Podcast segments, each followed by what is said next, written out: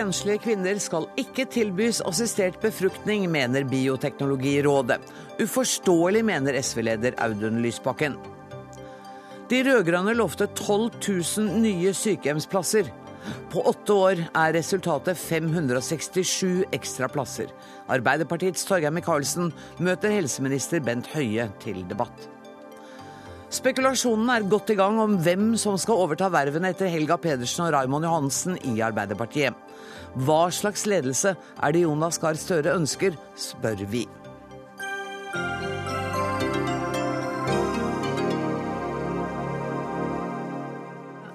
Dette er noen av sakene i Dagsnytt 18 denne fredagen, der vi også skal høre at Høyre vil konkurranseutsette flere jernbanestrekninger, og de møter kraftig motstand fra bl.a. Arbeiderpartiet. Men først i denne sendinga skal vi diskutere om enslige skal få lov til å bli, få hjelp til å bli gravide. For nå går Bioteknologirådet inn for at det ikke skal gis assistert befruktning til enslige i Norge. Og det er motsatt konklusjon av det nemnda kom til forrige gang de behandlet saken. Audun Lysbakken, leder i SV. Hva var din reaksjon på rådets eh, anbefaling? Jeg er uenig i den anbefalingen, og det er fordi jeg mener eh, det er på tide å bringe lovverket i samsvar med det som er virkeligheten i Norge. og det er at det finnes veldig mange forskjellige typer eh, familier. Eh, veldig mange barn er unnfanget ved hjelp av assistert befruktning. Veldig mange barn bor med aleneforsørgere. Og så lenge det er ønskede barn som kommer til verden, så tror jeg at vi skal si varmt velkommen til de. Det finnes masse gode mødre også blant eh, enslige kvinner. Eh, muligheten for eh, assistert befruktning til enslige fins allerede i Danmark. Og jeg ser rett og slett ikke spesielt gode grunner til at vi ikke skal nå oppdatere vårt eget lovverk, og ønsker den muligheten velkommen også i Norge. Kristin Halvorsen, du er leder av Bioteknologirådet, og du har ombestemt deg i denne saken? Ja, det har jeg. Og jeg har lyst til å si for det første at det er et flertall i Bioteknologirådet på ni, og så er det et mindretall eh, på seks. Og dette er en sak som vi har diskutert fram og tilbake. Og heldigvis er det sånn at de barna som eh, kommer til verden i Norge, de har, blir alt overveiende tatt godt imot og godt vare på. Enten det er av en tradisjonell kjernefamilie, av et lesbisk par, av homofile foreldre, av enslige eh, mødre. Og det er utrolig viktig.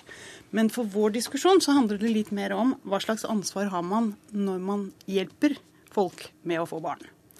Og til nå så har vi sagt at man, det er to foreldre i ekteskap eller samboerpar enten det er kvinne og mann eller kvinne og kvinne som kan få uh, assistert befruktning. Og det betyr at man har to voksne som intenst ønsker seg barn, og som felles forplikter seg til å ta seg av det barnet.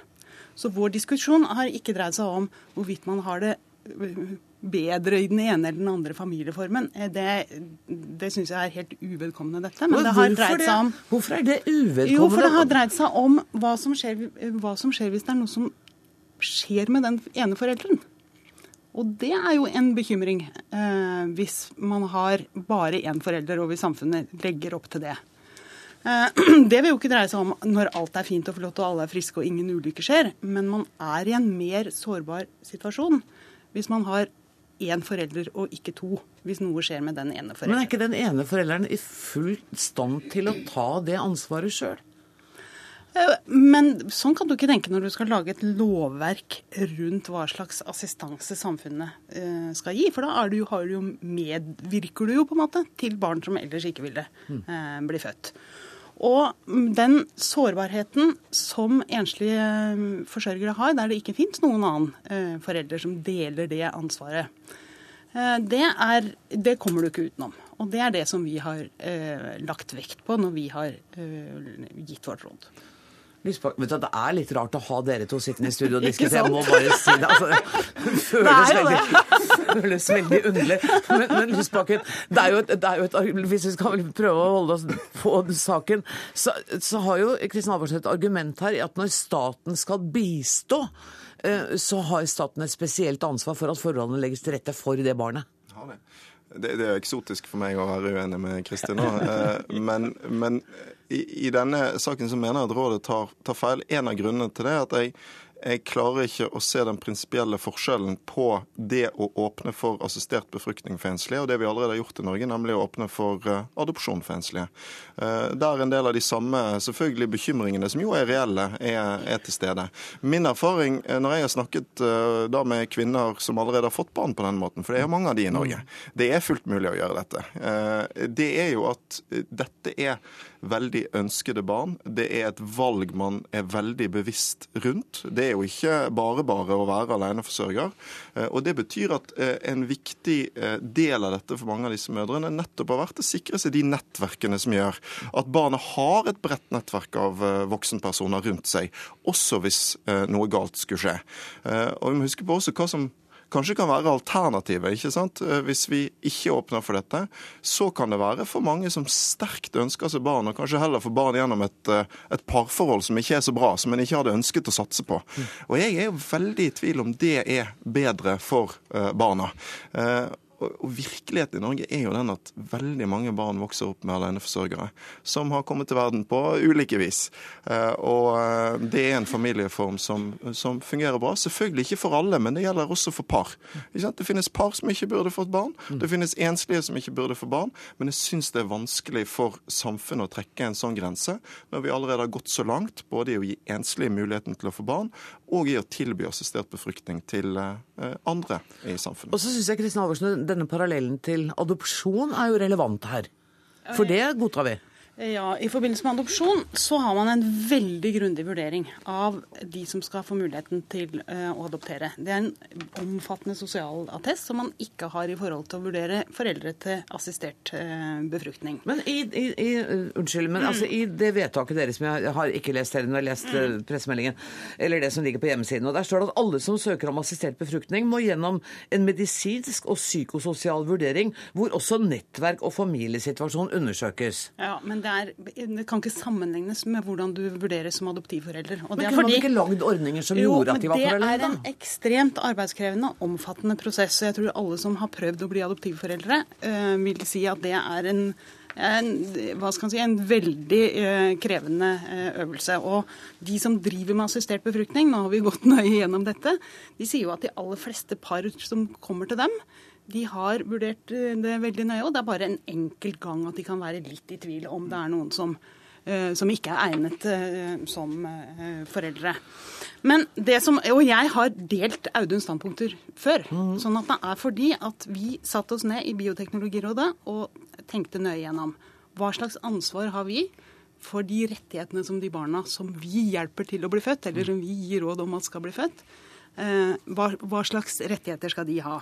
Hvis du setter i system den sårbarheten det er å ha én forelder, for det er en sårbarhet uansett. Mm. Selv om barn som lever med én forelder, kan ha helt supre oppvekster. Og det er 125 000 av dem. Norge. Ja, og jeg kjenner mange enslige forsørgere. Mm. dreier seg ikke om det i det hele tatt. Men hvis noe skulle skje, så er de mer sårbare. Og da er det helt riktig at du kan Eh, bygge opp nettverk, du kan forsikre deg om eh, det ene, at du har besteforeldre, ja. tanter og onkler eh, tett på, men de kommer ikke til å være forplikta på samme måte som en forelder. Er det det som er poenget? Altså, jeg tror Ingen kan trekke Kristin sitt engasjement for aleneforsørgere i tvil. Det er ingen i norsk politikk som har gjort så mye for aleneforsørgere som Kristin. Men, Nå er du her for å debattere med henne. Ja, ja og, det, og, det, skal jeg gjøre. fordi når det gjelder uh, dette med adopsjon, Eh, så er det riktig at der er det en, en egnethetsvurdering som er noe helt annet enn det eh, en har ved, eh, ved donasjon, sæddonasjon. Eh, men jeg skal huske på at det gjelder jo også når par skal adoptere. Den forskjellen finnes jo der allerede. Og Det er klart at det finnes par som får barn, som kanskje ikke burde fått barn. Eh, akkurat som det vil finnes enslige eh, som ikke burde fått det. Ja, det men, men, men da er det to argumenter. De, de, kan allerede få det i dag. Og så er jo altså uh, den motsatte situasjonen at det finnes veldig mange Det ser vi på tallene på kvinner som reiser til Danmark. Uh, kvinner som ønsker å få barn, som er sterkt motiverte, som er gode foreldre. Og Da mener jeg at summen av argumenter tilsier at vi bør si ja, det ønsker vi velkommen. Dette ønskede barn. Eh, og eh, de som tar dette valget, tar et veldig bevisst, eh, bevisst, valg om å sette de til verden. Jeg skal snakke med den tredje gjesten i studio som ikke har deltatt i diskusjonen. og Det er fordi at vi ville ha en politisk diskusjon, og Kristin Halvorsen syntes det var vanskelig å diskutere med deg, Sara Natasha Melby. Du er programleder og journalist og jobber i TV 2. Da dette vedtaket kom, så satt du deg nede og skrev en kronikk i Aftenposten. Ikke så mye pga. vedtaket, men pga. argumentasjonen. Ja, og det er jo den samme argumentasjonen eh, jeg hører eh, her i dag. Og det er jo nesten som man skulle tro eh, Audun Lysbakken satt i sofaen min i går da jeg hylte og skrek og skrev kronikk, for vi er jo åpenbart veldig enig i veldig mye.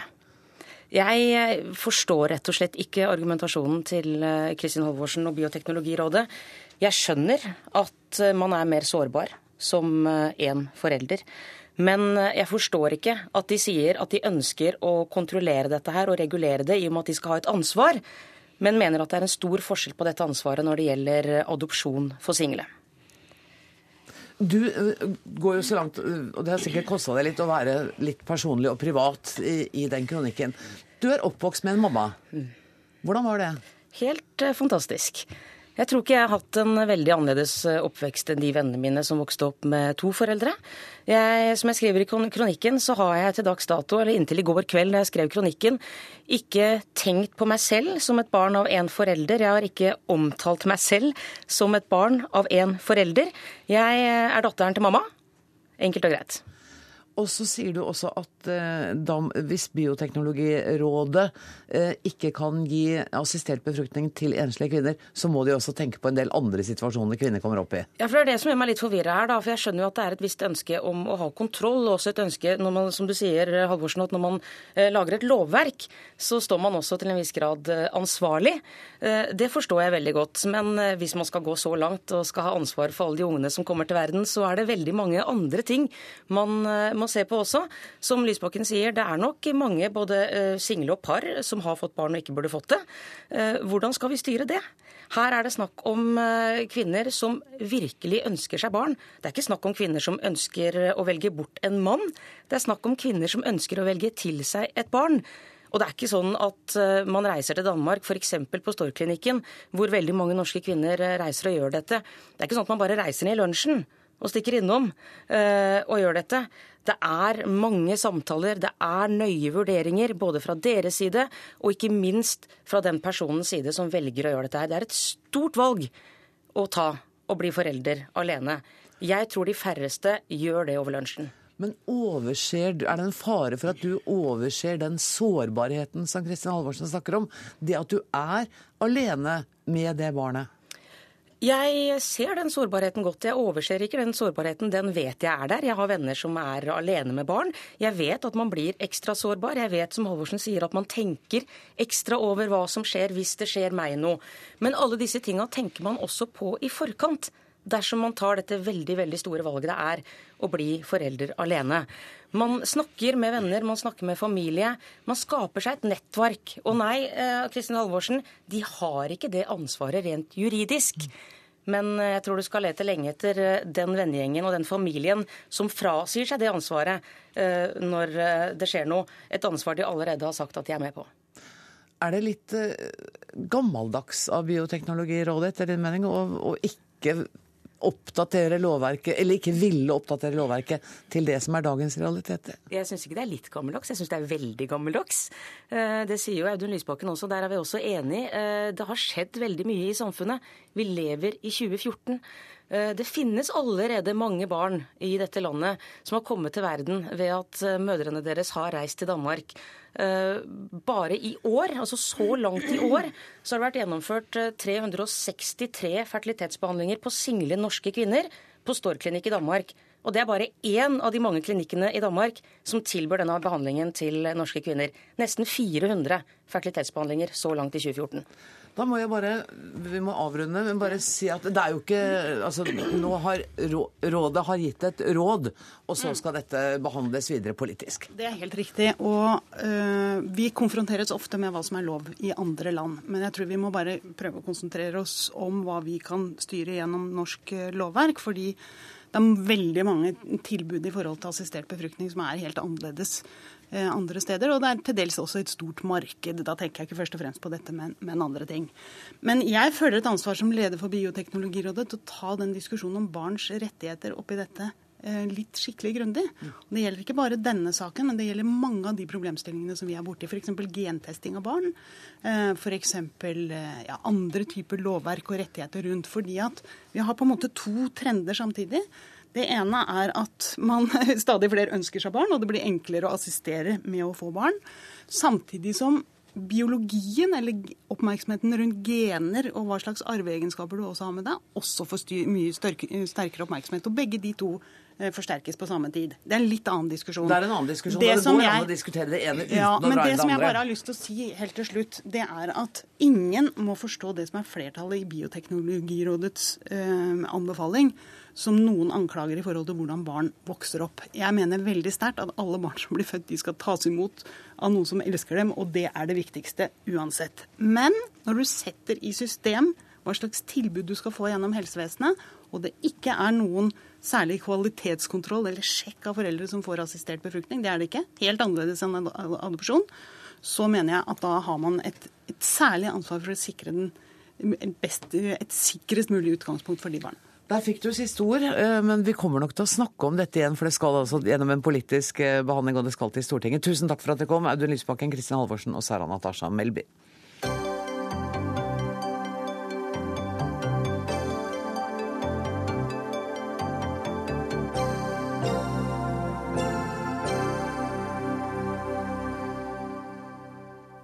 Det er at alle som trenger det skal sikres en sykehjemsplass. og Det skal vi sikre gjennom en egen eh, lov og en egen eh, forskrift. Og Det er en formidabel utfordring, men det finnes jo ikke noen annen måte å møte den på enn å ta det stykkevis og delt. Og nå skal vi starte med å bygge 12 000 sykehjemsplasser frem til 2015. Dette lovte altså Jens Stoltenberg og daværende helseminister Bjarne Håkon Hansen i 2009. Det var ikke samme program, det er vi som har klippet sammen fra to forskjellige program, men det var altså de to som sa det i hver sin sending. Men en opptelling som Aftenposten har foretatt, viser at resultatet ble 567 ekstra plasser i løpet av de rød-grønnes eh, åtte år. Og det er vel sånn i snitt én sykehjemsplass per kommune. Helsepolitisk talsmann i Arbeiderpartiet, Torgeir Micaelsen. Hva var det som skjedde? Hvor gikk det gærent?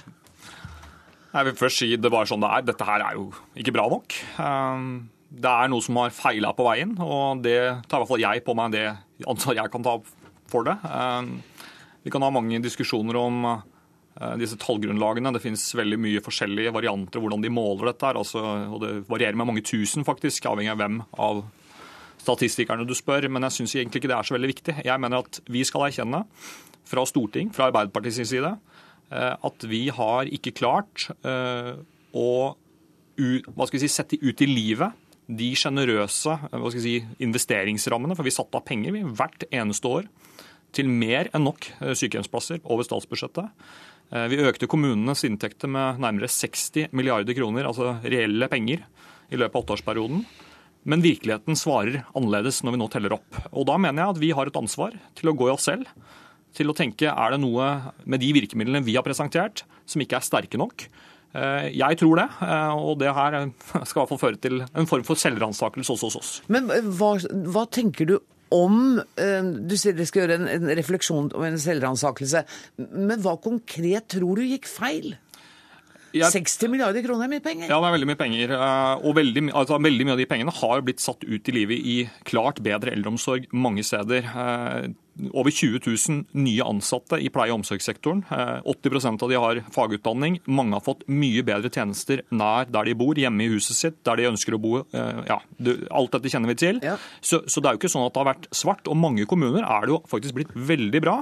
Og så er det veldig dårlig andre steder. Jeg tror dette er et uttrykk for dette dilemma, det evige dilemmaet vi står overfor der vi har et nasjonalt nivå, der vi må ha noen mål og noen planer. Men det er ute i kommunene dette blir satt ut i livet. Ehm, og Jeg synes at dette er vanskelig, for jeg synes det er vanskelig å akseptere at tallene er som de er. Og jeg synes det er vanskelig å akseptere at det er så store forskjeller kommunene mellom. og Derfor mener jeg at vi Jeg har i hvert fall kommet til at jeg tror det må kraftigere lut til. og Da er jo også eh, i diskusjonen at regjeringen som nå styrer, de har langt på vei adoptert mye av de samme virkemidlene som oss. De har forsterka det noe, det er bra. Men jeg tror at det er flere partier enn oss som har behov for å fornye politikken på dette området. Vi skal snakke med helseministeren, han er ikke i studio, så dere må være snill å ta på dere hodetelefoner for å høre hva han sier. Bent Høie, det må sterkere lut til, sier en lett angrende Torgeir Micaelsen, eller i hvert fall meget selvkritisk Torgeir Micaelsen. Hva slags lut har dere tenkt å foreskrive? Nei, altså For det første vil jeg si at eh, det er fint at Arbeiderpartiet selvransakende nå. Den selvransakelsen var det veldig lite å spore i de åtte årene de satt i regjering. Når vi etterlyste nettopp sterkere lut, så var eh, dagens leder i Arbeiderpartiet sitt svar i Stortinget så sent som våren i fjor til meg at eh, dette var i rute og løftene kom til å bli innfridd. Så det er jo utrolig at det går an å sitte nå og være selvransakende mens eh, en i realiteten har visst om dette hele veien. Men det som vi skal gjøre, det er nettopp at staten skal ta et større ansvar for at vi bygger ut eh, flere eh, plasser og bedre kvalitet i eldreomsorgen. Det har vi allerede starta på. Vi økte tilskudd som staten gir ved bygging av heldøgns pleie og omsorg, fra 35% som var det høyeste den rød-grønne regjeringen klarte å få til, til 50% i en engang i det budsjettet vi la fram nå. Og samtidig som vi òg økte tilskuddet til kommunene for å øke kompetansen i tjenesten. For det handler ikke bare om kapasitet, det handler òg om kvalitet. Og så tror jeg at vi må òg erkjenne at eh, et hovedsignal fra den forrige regjeringen var at eh, eldre ønsker å bo hjemme. Eh, der bør en satse på rehabilitering, opptrening for det, og det er jeg helt enig i. Men det ble òg mange steder brukt som et argument for at vi egentlig ikke trenger flere sykehjemsplasser. Og I hvert fall i en situasjon der en òg tidligere ikke ville finne ut hvor mange er det faktisk som har behov for en sykehjemsplass, eh, som eh, allikevel får et annet tilbud. Og Det gjør at eh, mange kommuner ikke egentlig har en oversikt over hva som er behovet lokalt. Ja, Der mener jeg Høie faktisk har et uh, poeng. Uh, for det har vært et uh, Jeg blir helt overrasket her. Men det er, det er så... nye tider. Ja, veldig. Nei, da, altså, jo, men der er Han sier også han er enig med det jeg sier. altså at Det har vært riktig å satse på at folk skal kunne bo hjemme uh, lengre. og Jeg kjenner i hvert fall veldig mange som sier at det er veldig bra. Mm. og at man får tilrettelegging, ganske avansert tilrettelegging hjemme så lenge som mulig. Eh, og det har vært riktig, det har også mye av pengene gått til. Men at det kanskje da har gått på bekostning av at når man kommer til det punktet at det ikke går lenger, så er det mange kommuner, jeg har vært og besøkt flere, der det står sykehjemsplasser ledig. Du kan få det på dagen. Mens i andre kommuner er historien helt annerledes, og du må kjempe mot systemet for å få en plass. Og da er da jeg tenker at jeg har i hvert fall kommet til at jeg tror det må uh, mer til også mer enn det regjeringen så langt har lagt på bordet, og mer enn det vi la på bordet. Og kanskje en bedre oversikt. for Vi skal snakke med Hans Olav Melberg, som er førsteamanuensis i helseøkonomi ved Universitetet i Oslo. I en artikkel i Dagens Medisin så skriver du at offisielt har vi ingen kø. Ifølge lovverket skal alle som har behov for en plass på sykehjem, få et sånt tilbud. En offisiell venteliste blir dermed et bevis på lovbrudd, og derfor har man ikke noen venteliste. Og da har man jo heller ikke noen oversikt. Nei, det stemmer. Altså, Vi har rett og slett ingen offisiell oversikt på hvor mange som står i kø for å få sykehjemsplass i Norge. Og, Det er jo et problem når man skal bestemme hvor mange plasser vi ønsker å ha. Eh, hvor tok ikke... Arbeiderpartiet 12 000 fra, da? De, de, bygger på forskjellige statistikker om behovet, hvor mange personer som er over 80 år f.eks. og sånne ting. Men, men, det er jo ikke bare det som tilsier hvor mange plasser vi trenger, det er jo også deres helsetilstand. Og det som vi også har sett i statistikken, er at det er ganske mange unge som får disse pleie- og omsorgstjenestene nå. Eh, så de har også tatt en del av, av eh, de plassene. Nettopp. Unge med funksjonshemminger som gjør at de trenger å bo på Ja, rus og psykiatri. Ikke Nettopp. bare sykehjem, også på pleie- og omsorgstjenester generelt. Nettopp. Men kunne, tenke, kunne, man tenke seg at man gjorde om loven sånn at det ikke skulle være lovstridig å stå i en kø? For i hvert fall å få en oversikt over hvor mange som sto i den køen? Ja, man kan gjøre om loven, eller man kan selvfølgelig også bare ta, ha en oversikt over hvor mange som søker, ja. og, og, den type ting. Så det er mye man kunne gjøre på den måten. Ja, og det har jeg tenkt å gjøre. For har du? Det, ja, det har jeg. Eh, og det er vi i gang med. Eh, det første vi nå har gjort, er blitt eh, enig med KS at vi nå skal eh, spørre kommunene denne høsten i forbindelse med KS' sin budsjettundersøkelse om hvor mange de oppfatter står i kø. Men det er ikke nok. Det vil gi oss et første bilde. Men det som er problemet i dag, det er at eh, sånn som loven er, og det er veldig viktig, at loven sier jo at hvis en innbygger har behov for institusjonsplass for å gi et forsvarlig tilbud, så er det ikke lov å la personen vente. Da skal personen på institusjon. Men for veldig mange vil det jo være sånn at selv om en institusjonsplass hadde vært det beste, så er det fullt mulig å gi et forsvarlig tilbud enten hjemme eller på en midlertidig tilbud. Nettopp. Da er det mange kommuner som på en måte registrerer at de allerede har fått et tilbud. Det vi må få til, det er en ens praksis, eh, som eh, f.eks.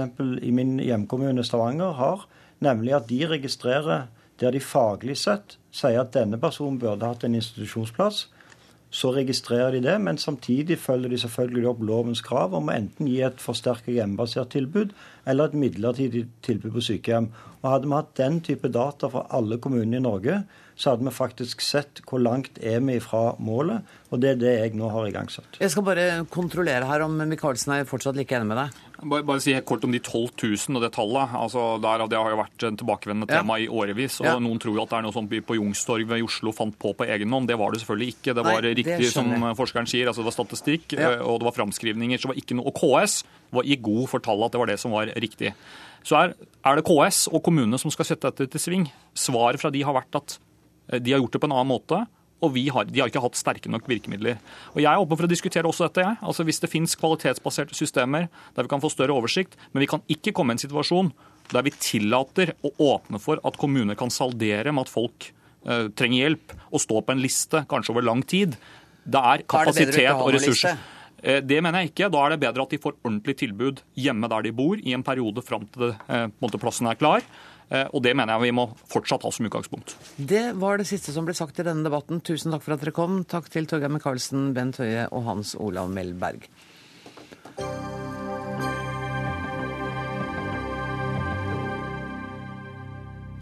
Partene i Ukraina-konflikten ble i ettermiddag enige om en våpenhvile. Representanter for partene i konflikten møttes tidligere i dag i Hviterusslands hovedstad Minsk. Regjeringsstyrkene og opprørerne skulle legge ned våpnene fra klokka 17, altså for halvannen time siden.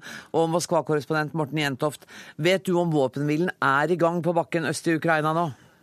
Ja, Nå har jeg de siste minuttene prøvd å sjekke forskjellige internettsider i både Ukraina og Russland, og det ser faktisk ut som om eh, de fleste parter i denne konflikten nå respekterer da denne våpenhvilen. Det ble meldt om eh, noen eksplosjoner eh, i, rundt storbyen Danetsk også etter at våpenhvilen ble inngått, men også disse frivillige bataljonene som slåss på den ukrainske armeen sin side, sier at de motvillig vil respektere våpenhvilen.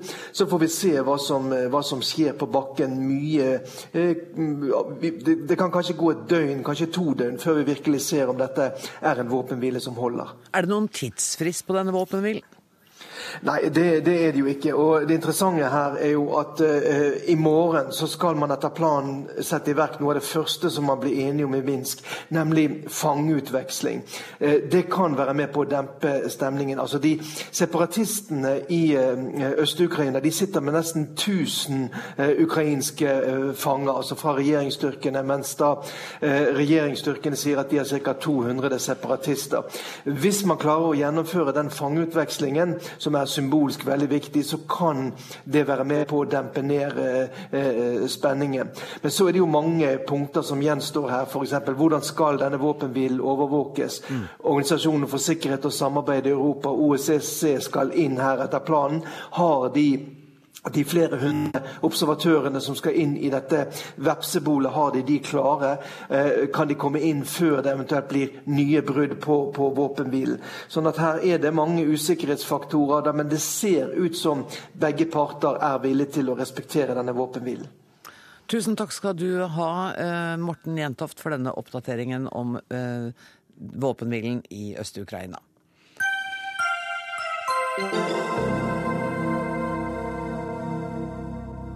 Jonas Gahr Støre har startet ryddejobben for å få på plass en ny ledelse i Arbeiderpartiet.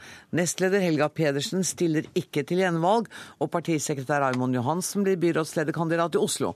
Dermed er spekulasjonen i full gang om sammensetningen av Arbeiderpartiets nye ledelse. Arne Strand, politisk kommentator og tidligere sjefredaktør i Dagsavisen. Hvilke utfordringer er det Jonas Gahr Støre nå først og fremst står overfor? Han står overfor en veldig stor utfordring. For uh, første gang på veldig mange år så flyter alt rundt partilederen. Normalt så er veldig mye organisert på forhånd før en partisekretær går av. Og da Martin Kolberg gikk av, så var det ganske klart at Raymond Johansen skulle gå på. Og da Hill-Marta Solberg gikk av som annen nestleder, så ble det med en gang klart at Helga Pedersen skulle gå på. Nå er ingenting klart. Alt flyter. Valgkomiteen, som trolig blir nedsatt i løpet av september på landsstyremøtet, begynner med helt nye og blanke ark. De skal tegne en helt ny partiledelse, sentralpartiledelse, et helt nytt sentralstyre. Det eneste de vet, er at Jonas Gahr Støre er leder. Men du snakker som om Jonas Gahr Støre på en måte har mottatt nyheten om disse som trekker seg akkurat på samme måte som oss. At han ikke visste om Helga Pedersen, at han ikke visste om Raymond Hansen, at han ikke visste om Libe Ribermoen. Nei, jeg, sa, nei, jeg sa ikke det. I 25. juni i år skrev jeg i kommentar at Helga Pedersen kommer til å gå av som nestleder, og Raymond Johansen trekker seg som partisekretær for å gå til topps i Oslo Arbeiderparti. Dette har de visst. Men de har ikke gjort noe for å legge til rette for nye folk. Så nå er vi som sitter på utsiden, henvist til å tippe.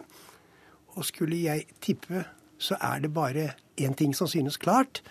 Og det er at Trond Kiske går inn i partiledelsen, enten som partisekretær eller som nestleder. Sannsynligvis som nestleder, fordi han sitter på Stortinget og kan ikke slippe ut av Stortinget. Og det er vanskelig å kombinere det å være stortingsrepresentant med å være partisekretær. Trine Eilertsen, politisk redaktør i Aftenposten. Er du enig, hvis vi tar dette med Trond Giske, er du enig med Arne Strand i det? For jeg tenker at Forholdet mellom Jens Stoltenberg og Trond Giske har jo ikke alltid vært like nært. Nei, og så har, eh, har Jens Stoltenberg vært eh, nøye på å ha en såpass tett på seg som en av sine statsråder at ikke det er blitt eh, for mye støy ute på flanken, for å si det sånn. Og da vi begynte å få en diskusjon og vi fikk vite at Jens Stoltenberg skulle gi seg, så kom jo med en gang Giske-navnet opp. Ville han nå melde seg? Mm. Og han kom jo ganske raskt og sa det at jeg er ikke aktuell for den jobben der, og jeg støtter Jonas. Og så kommer han nå opp igjen. Vi ser at flere i LO gjentar det, at de godt kunne tenke seg å ha han der. Og det er mange, han har en veldig sterk base i, i partiet. Det regnes som en rasende dyktig organisasjonsbygger, valgkampdriver. Og er en som gjør veldig mye for Arbeiderpartiet, ikke minst rundt valgkamp. Det høres ut som en partisekretær du beskriver nå? Det høres sånn ut. Og Jonas Gahr Støre har jo også sagt det at han ønsker jo at folk som har uformell makt i organisasjonen, eller folk som har makt, de skal også ha formell og tydelig makt, sånn at du skal være synlig hvem som har makt i organisasjonen. Ingen tvil om at Trond Giske har makt i Arbeiderpartiet. Men er du enig med Arne Strand i at det er første gang det flyter såpass i lederspørsmålet? Ja, altså, nå, det, nå, er det jo bare én brikke som er fast, og det er jo partilederen. Og det er jo, for å si det sånn, det er jo egentlig et eventyr for Jonas Gahr Støre, som er ny. Kan være med på ymse vis å påvirke hvem han får rundt seg. Det å være ny leder og få bygge din egen ledergruppe, uansett hvor du har vært leder henne, det er jo det du ønsker mest av alt. Kanskje ikke første dagen på jobb, kanskje ikke andre, men etter hvert ønsker du jo det. Sånn at han kan bygge et lederteam? Ja, på papiret så er jo det helt riktig. At en ny leder vil jo ønske å bygge opp sitt eget team, men nå er jo også Jonas Gahr Støre ny. Han uh, trenger jo folk med større kompetanse enn seg selv når det gjelder Arbeiderpartiet, og Raimond Johansen hadde den kompetansen. Eller har den kompetansen. Så det at Raymond Johansen går som partisekretær, er ikke bare, ikke bare positivt for Jonas Gahr Støre. Hvis, han, hvis, han, hvis Jonas Gahr Støre kunne få velge, så tror jeg han ville ha valgt å beholde Raymond. Det, ja. Men det var det andre, det andre ting. Det er, altså, det er Oslo Arbeiderpartis ønske om å få en ny person på toppen som har ført til dette.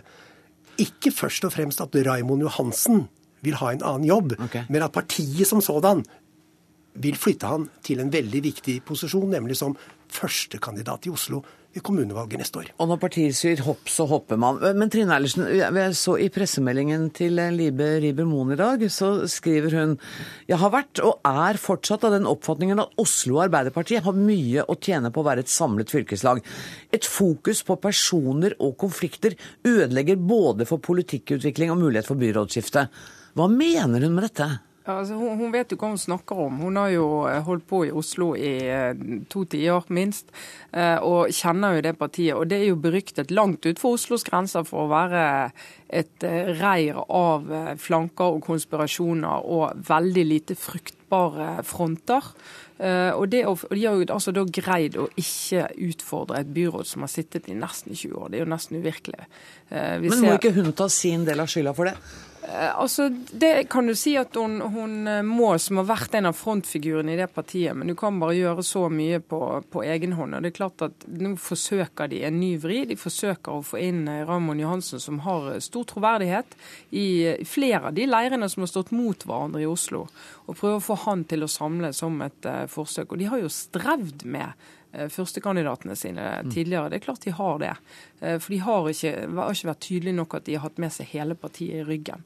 Når de har, når Jeg har ikke, ikke, ikke, gitt at de hadde vunnet noe valg likevel, men det hjelper i hvert fall ikke at de ikke har det. Nå er det så viktig for Arbeiderpartiet å vinne de store byene tilbake. Tenk deg Bergen, mm. Stavanger, Oslo. De har, ikke, de har ikke vært i nærheten av makt på årevis, og det var en av forklaringene på at de mistet makten i fjor.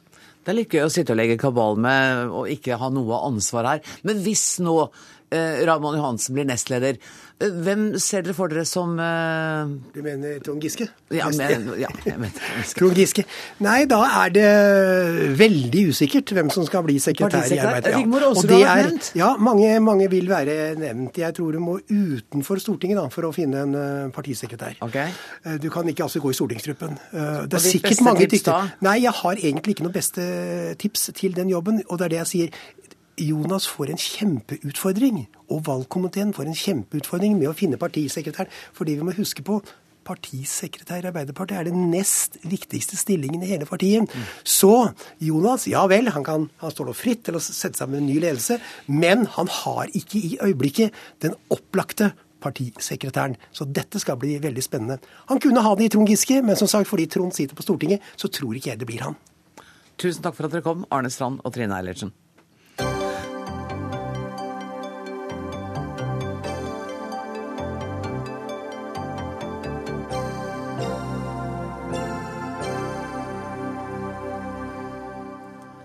Navs mest brukte arbeidstiltak, den såkalte arbeidspraksistreningen, fungerer ikke i dag. Det er altfor lett for arbeidsgivere å utnytte de unge til gratis arbeidskraft. Dette har Steffen Heggelund uttalt seg om i Dagsavisen de siste dagene. Inger Lise Blyverket, du er leder av arbeidspolitikk i Virke. Dere mener at Heggelund mistenkeliggjør arbeidsgivere. Tar han så feil? Ja, definitivt tar han feil. Det er en ganske så frekk påstand han kommer med.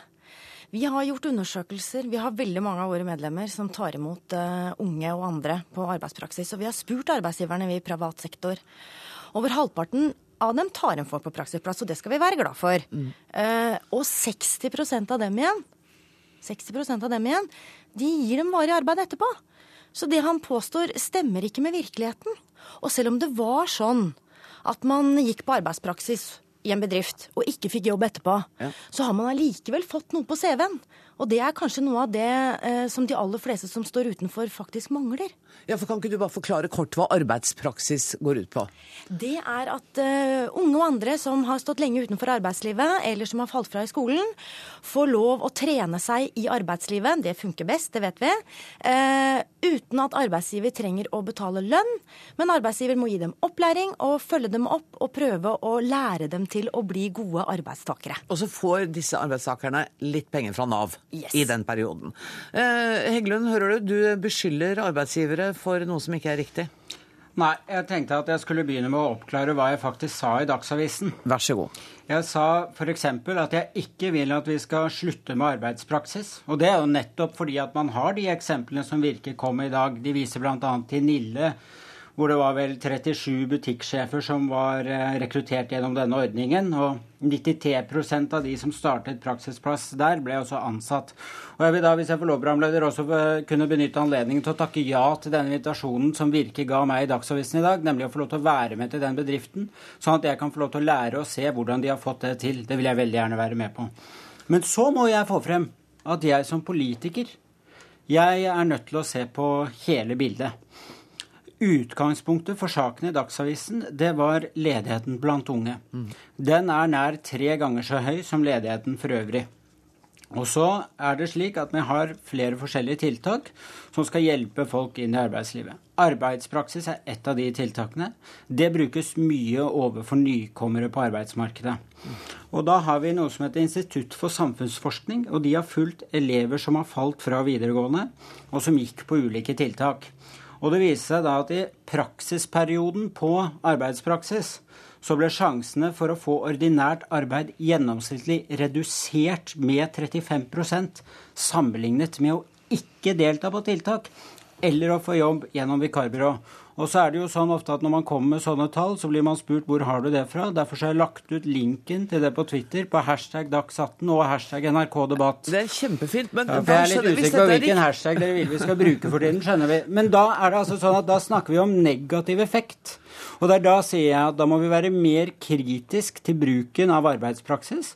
Altså at vi kan kanskje bruke det i noe mindre grad, og heller øke bruken av tiltak som virker. Og i dette tilfellet så snakket jeg da om tidsbegrenset lønnstilskudd, som har dokumentert god effekt. Nå må jeg få lov å komme litt, for da, hvis, det, hvis det, går så, det er så dårlig som du sier, så skjønner jeg ikke hvorfor du ikke sier at det tiltaket skal vi ikke bruke, fordi det fungerer ikke.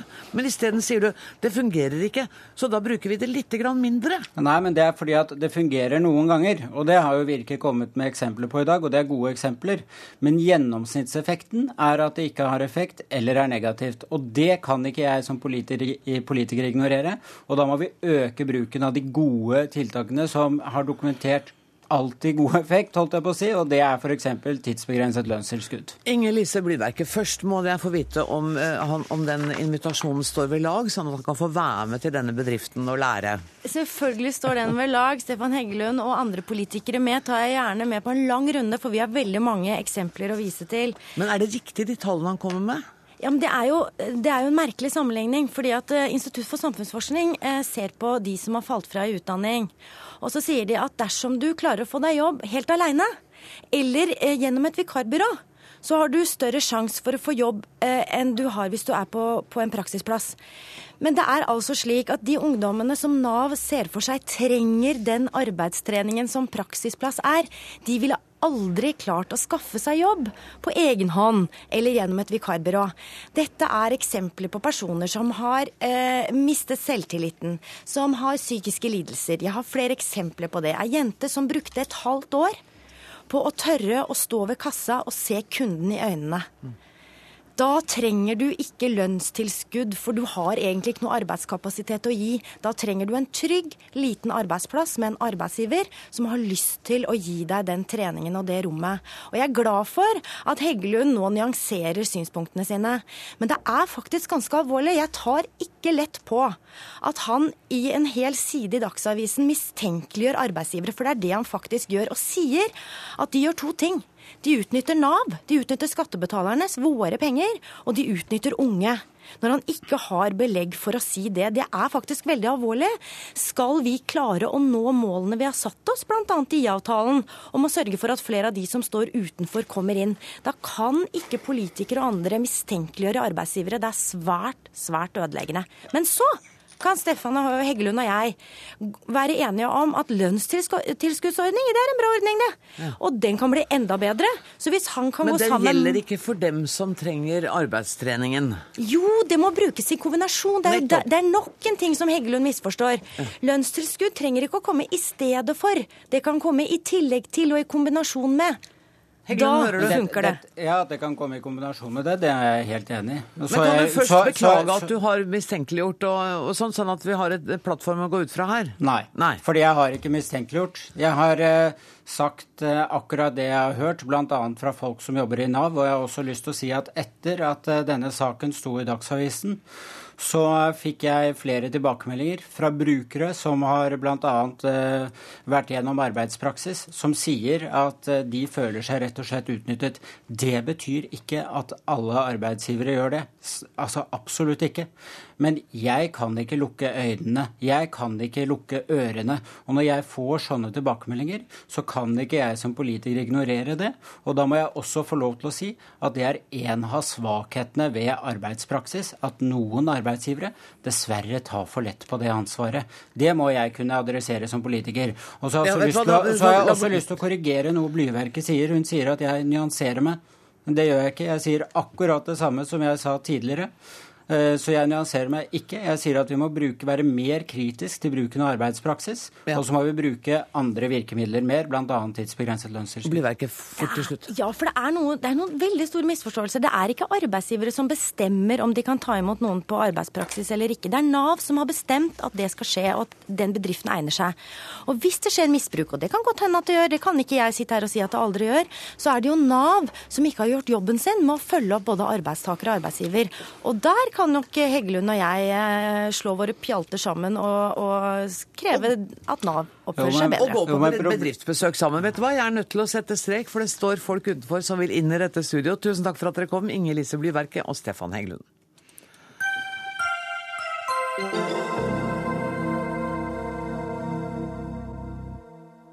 Allerede i 2016 kan utenlandske togselskaper kjøre på norske jernbanestrekninger hvis Høyre får det som de vil. Jærbanen, Nordlandsbanen og Bergensbanen er blant de strekningene Høyre vil konkurranseutsette allerede nå, skriver VG. Eirin Sund, første nestleder i Stortingets transportkomité for Arbeiderpartiet. Hva er din reaksjon? Nei, først så blir jeg veldig, altså jeg blir rett og slett overgitt. For eh, jeg føler at Høyre er i ferd med å gå med ryggen inn i framtida. Altså, det er ingenting av erfaring fra bl.a. Eh, Sverige eller Storbritannia som sier at dette er en intelligent måte å løse det på. Så for meg blir det litt sånn det virker som om at eh, ideologien om å privatisere og konkurranseutsette er så viktig i seg selv at i jernbanen er det ikke så nøye med hva eventuelt resultatet skulle bli av en sånn privatisering. Men vil ikke en privatisering kunne være drivende på å få prisene ned, på å få bedre tilbud for oss som bruker jernbanen? Men Jeg kan ta et par eksempler på det. På jernbanen, som er et av de, de strekningene som de ønsker å privatisere, der er det sånn at i dag så går det så mye tog som det var mulig å gå på det sporet. Det er også sånn at De bruker folka som jobber på tog og materiell så effektivt som det bare er mulig å gjøre det. Og det er også sånn at eh, Kundene som tar den strekningen, de er kjempefornøyd med det. Så om det blir et privat selskap som kommer og skal si, kjøre på det sporet, så blir det ikke noe mer tog. Og det samme, Et annet eksempel er hvis du bor i Drammen eh, og skal pendle inn til Oslo. I dag har de i alle fall fire eh, avganger i timen og enda mer i rushet. Nå skal de da privatisere fra Oslo til Skien. Og da er spørsmålet OK, hva da betyr det at de som har du kundekort på NSB, så har du tre strekninger du kan på en måte kjøre NSB, og hva skal du da gjøre med den fjerde? Skal du miste eh, det ene tilbudet?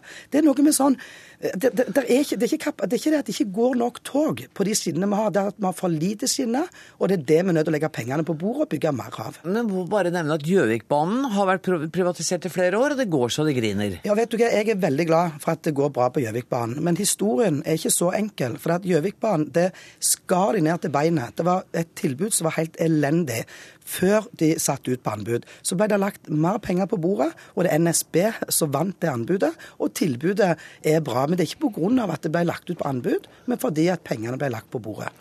Jon Ragnar Aarseth, du er statssekretær i Samferdselsdepartementet for eh, Høyre. Eh, etter å ha hørt på Eirin Sund, så tenker jeg det er ikke én grunn til å konkurranseutsette jernbanestrekninger? Nei, det er mange grunner. Det er mange grunner til å konkurranseutsette eh, jernbanestrekninga.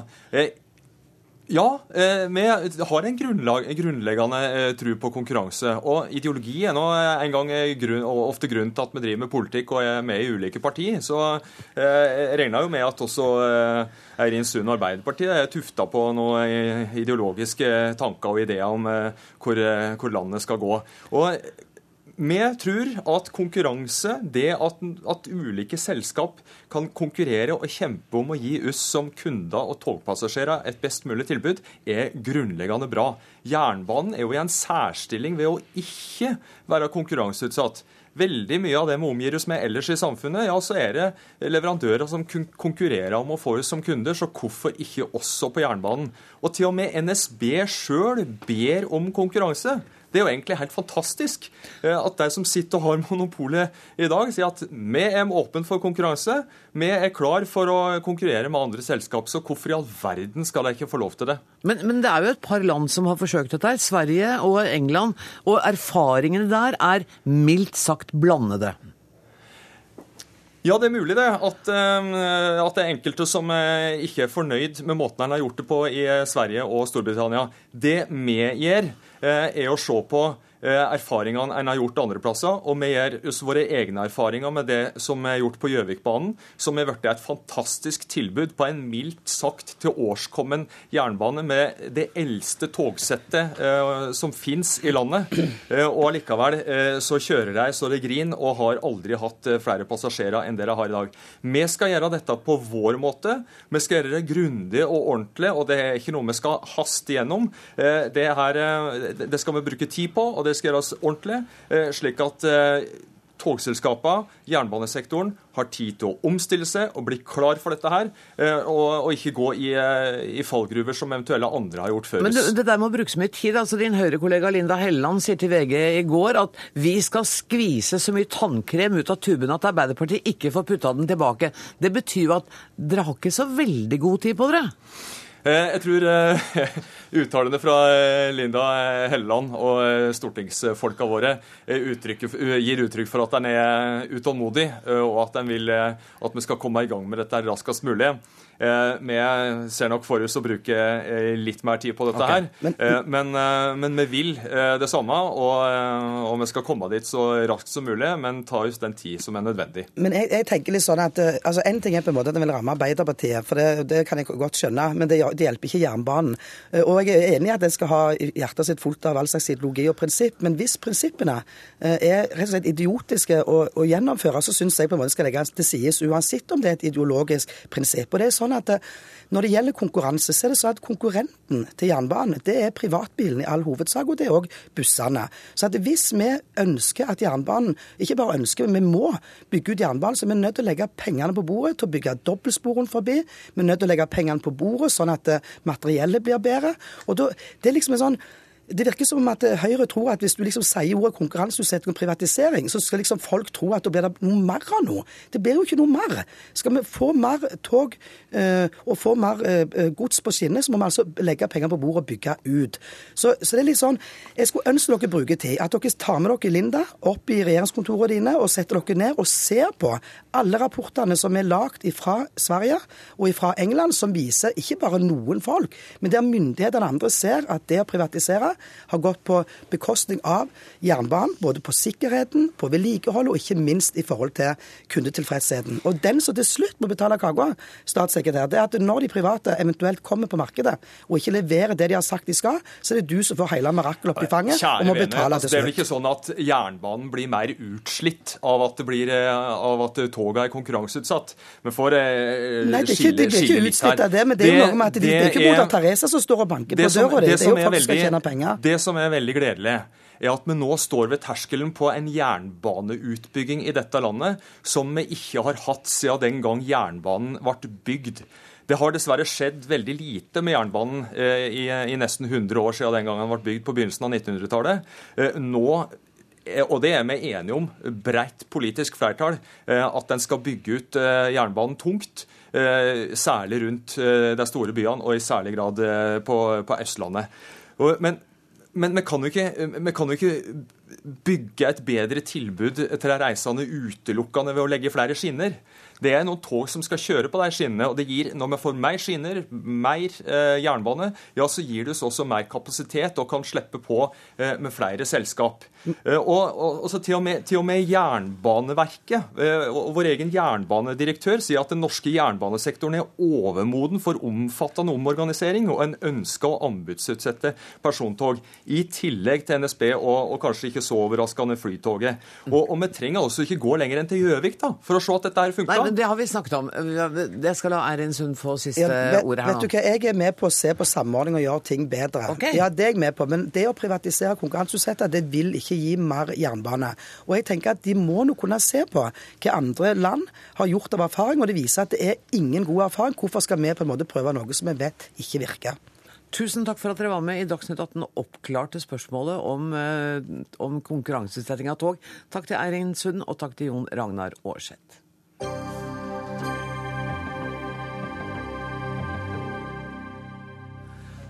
Folkeopplysningen og programleder Andreas Wahl er tilbake på NRK1 på førstkommende søndag. Forrige runde så handla det om alternativ medisin. Nå er tema mat, men ikke hvilken som helst mat. De siste årene har det kommet en helt ny kategori matvarer på markedet som skal gjøre alt så mye lettere. En kategori matvarer så proppfull av gode saker at det rett og slett kalles supermat. Og vi er med når Henriette Brusgaard lanserer et helt nytt mirakelpulver. Pure Energy, Pure Brassica. Eh, de første dagene så merket jeg litt sånn detox-effekt. Det er faktisk sånn at Brassica Norge ikke eksisterer. Det produktet dere har spist, det eksisterer.